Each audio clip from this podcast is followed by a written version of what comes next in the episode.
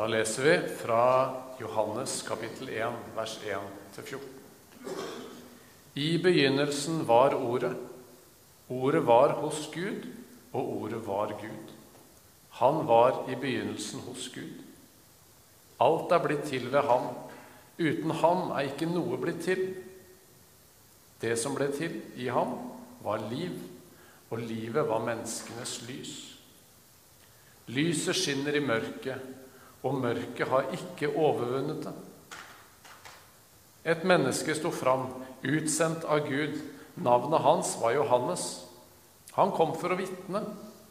Han skulle vitne om lyset, så alle skulle komme til tro ved ham. Selv var han ikke lyset, men han skulle vitne om lyset. Det sanne lys, som lyser for hvert menneske, kom nå til verden. Han var i verden, og verden er blitt til ved ham. Men verden kjente ham ikke. Han kom til sitt eget, og hans egne tok ikke imot ham. Men alle dem som tok imot ham, dem ga han rett til å bli Guds barn, de som tror på hans navn. De er ikke født av kjøtt og blod, ikke av menneskers vilje og ikke av manns vilje, men av Gud. Og ordet ble menneske og tok bolig iblant oss, og vi så hans herlighet. En herlighet som den enbårne sønn har fra sin far, full av nåde og sannhet. Hellige Far, hellige oss i sannheten. Ditt ord er sannhet. Amen.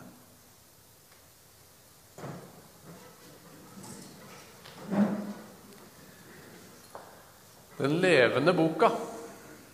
Det er tittelen på en eh, bok, en bokserie faktisk, som eh, lå under juletreet hos oss i går. Som er skrevet av en lærer på Bjerkeli skole og anmeldt i, eh, underveis. handler om Bibelen, som står og støver ned der øverst i bokhylla. Og så er hjemme hos familien til Even, som går i femte klasse. Og så hører Even at det er noe som begynner å lage lyder. Så skjønner han at det kommer fra bokhylla. Det er liksom som om Bibelen den roper på Even, som går i dag på skolen. Og han skjønner til slutt at det er de lydene de kommer fra Bibelen. Så får Even et spennende møte med historiene der, og fortalt av Bibelen sjøl, rett og slett. Bibelen som prater og spiser og drikker.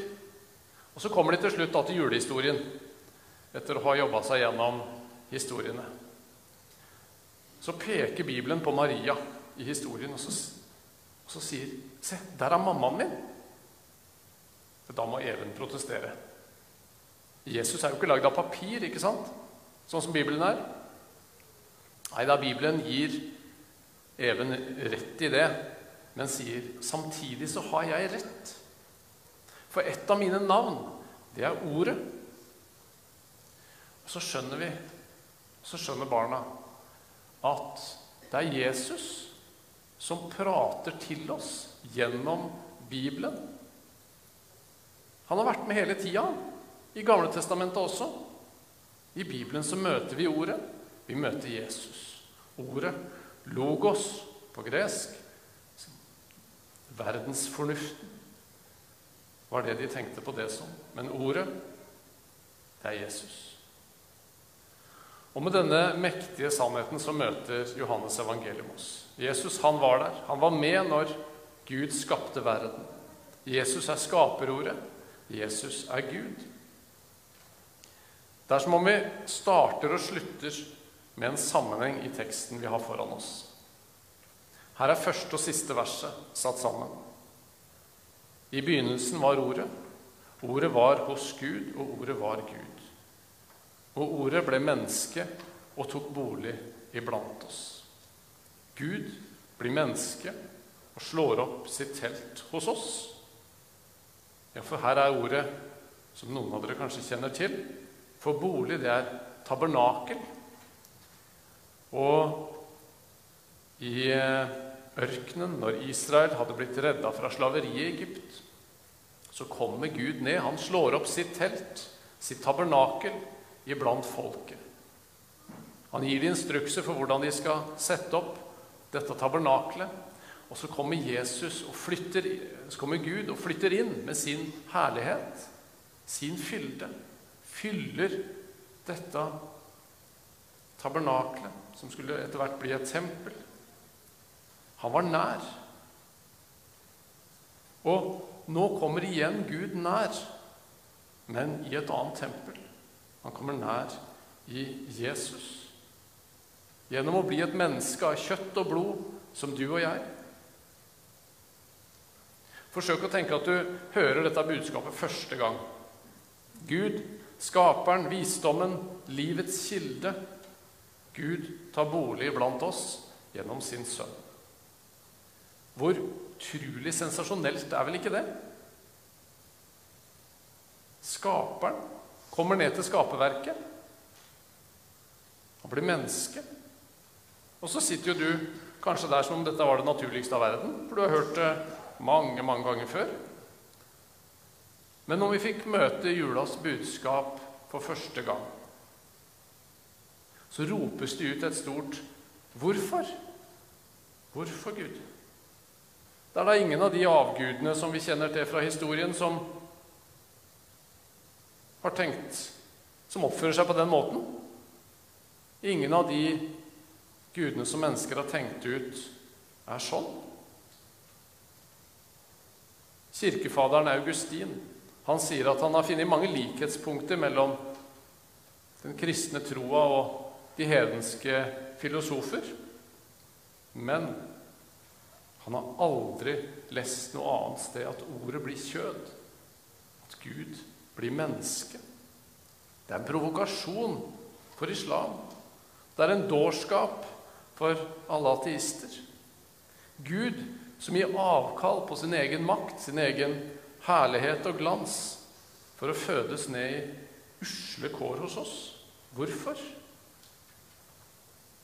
Litt seinere i Johannes evangelium så skal Jesus sjøl svare på det spørsmålet hvorfor. Når Nikodemus kommer på besøk, så sier Jesus etter hvert For så høyt har Gud elsket verden, at han ga sin sønn den enbårne, for at hver den som tror på ham, ikke skal gå fortapt, men ha evig liv. For så høyt har Gud elsket deg. Gud er kjærlighet. Han gjør det som må til for å gjøre deg rettferdig, for at du skal kunne bli frelst og være i Guds nærhet. Når Jesus er på besøk hos Sakkeus, tolleren, så sier han Menneskesønnen er kommet for å frelse det som var fortapt. Her er det ikke noen billige løsninger hos Gud. Vi feirer jul fordi Jesus kom for å frelse deg og meg som var fortapt. Vi har en fantastisk kjærlig og god Gud. Men så står det litt dystre ord, kanskje, i vers 10 og 11 av teksten vår. Han var i verden, og verden er blitt til ved ham. Men verden kjente ham ikke. Han kom til sitt eget, og hans egne tok ikke imot ham. Jeg vet ikke om det er noen som bygger Lego her. De fleste er kanskje over Lego-alder, men noen har kanskje fulgt med på Lego Masters på TV i høst. Da har vi lært at man kan visst bygge Lego også når man er voksen. Tenk at du bygger en enorm legoverden. Du legger all din kreativitet og kjærlighet i denne verden. Det blir liksom et sånt livsprosjekt. Du kjenner hver minste figur og deres historie. Og så har det seg sånn, da, i vårt lille tankeeksperiment, at du også har skaperkraft til å blåse liv i disse legofigurene. Så gjør du det. Og så plutselig så yrer det av liv der nede i den legoverden du har lagd. Og du fryder deg. Dette er jo gøy. Fantastisk. Så ser du ganske fort at de begynner å krangle og slåss. For mellom landsbyene så ligger det jo rike ressurser, og begge landsbyene vil jo ha de ressursene. Og i stedet for å dele, så går de rett i krig med hverandre for å få alt sjøl. De går helt andre veier enn det du hadde tenkt. Og når du som skaperen forsøker å komme med noen gode lover og regler og retningslinjer, så ja, du skal ikke stjele, du skal ikke slå i hjel. Ja, da tar de de lovene og tramper de ned og putter de i en skuff.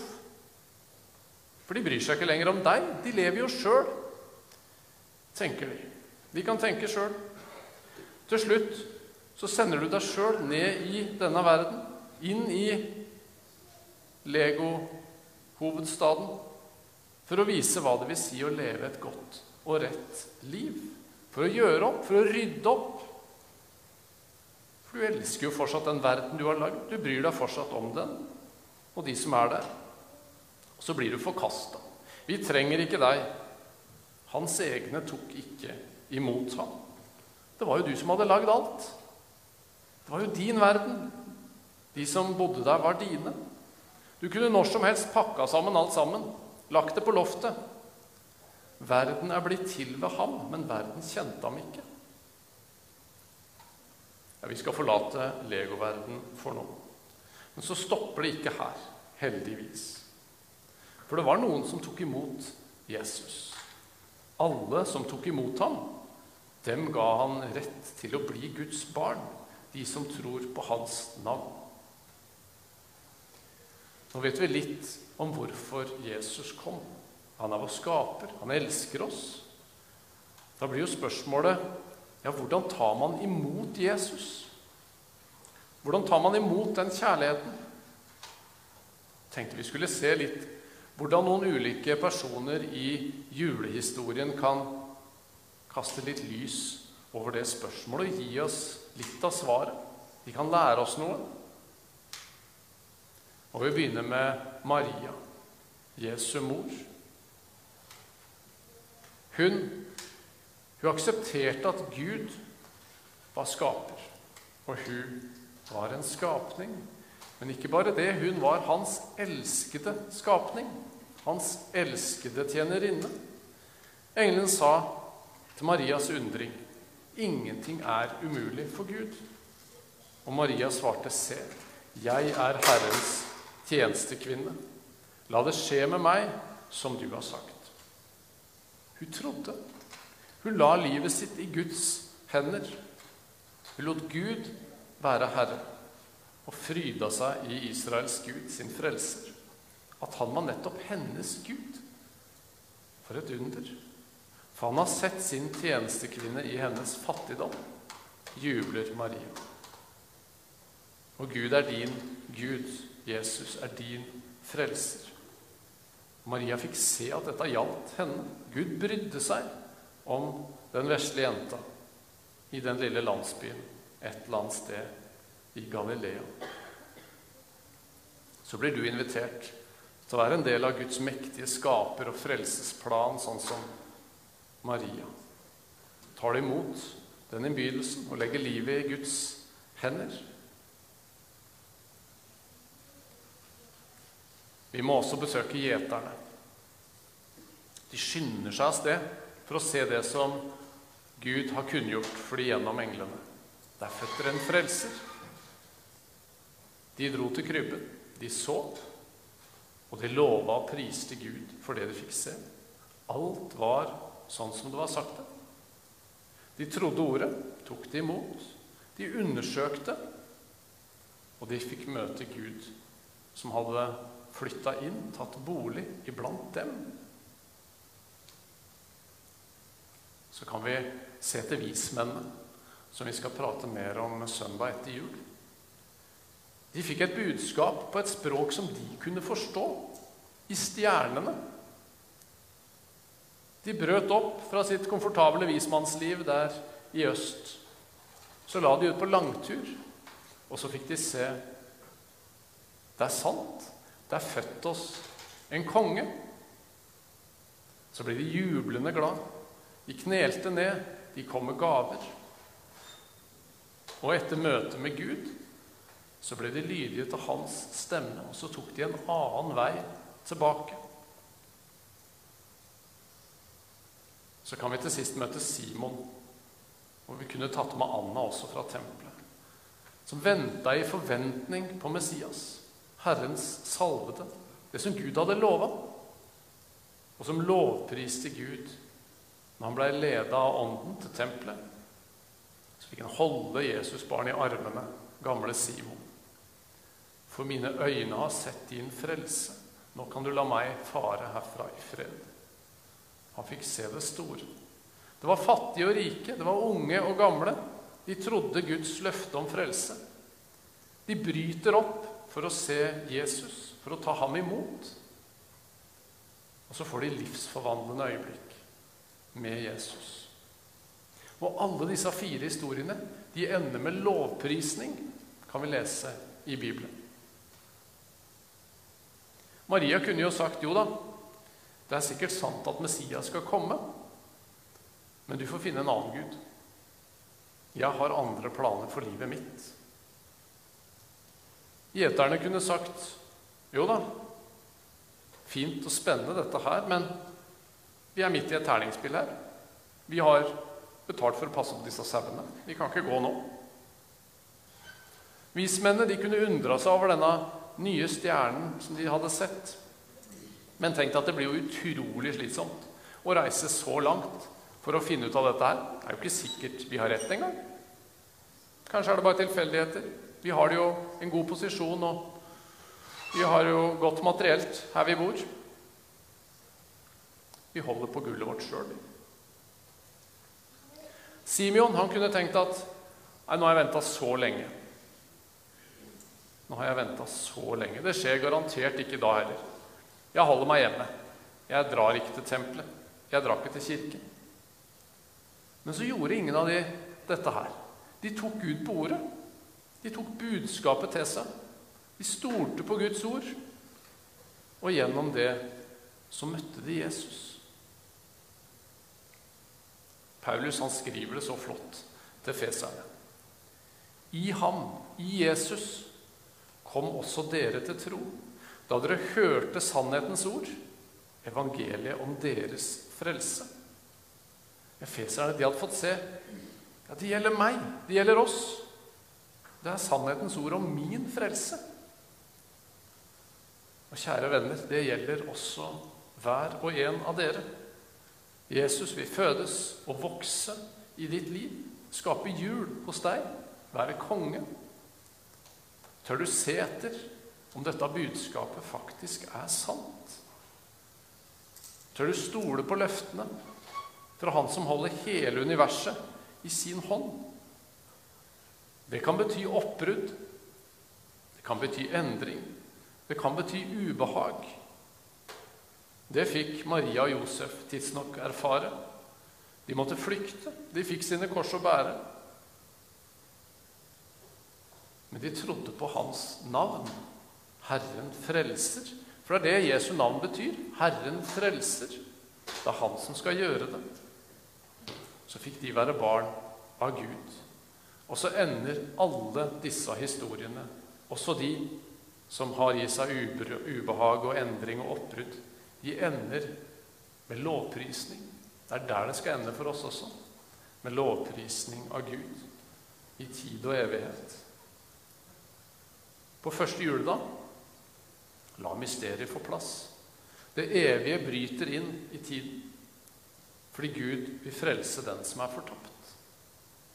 Han bøyer seg ned, blir et menneske, tar på seg din synd, skyld, lidelse og straff for at du skal eie tilgivelse og bli reist opp til et nytt liv sammen med Jesus.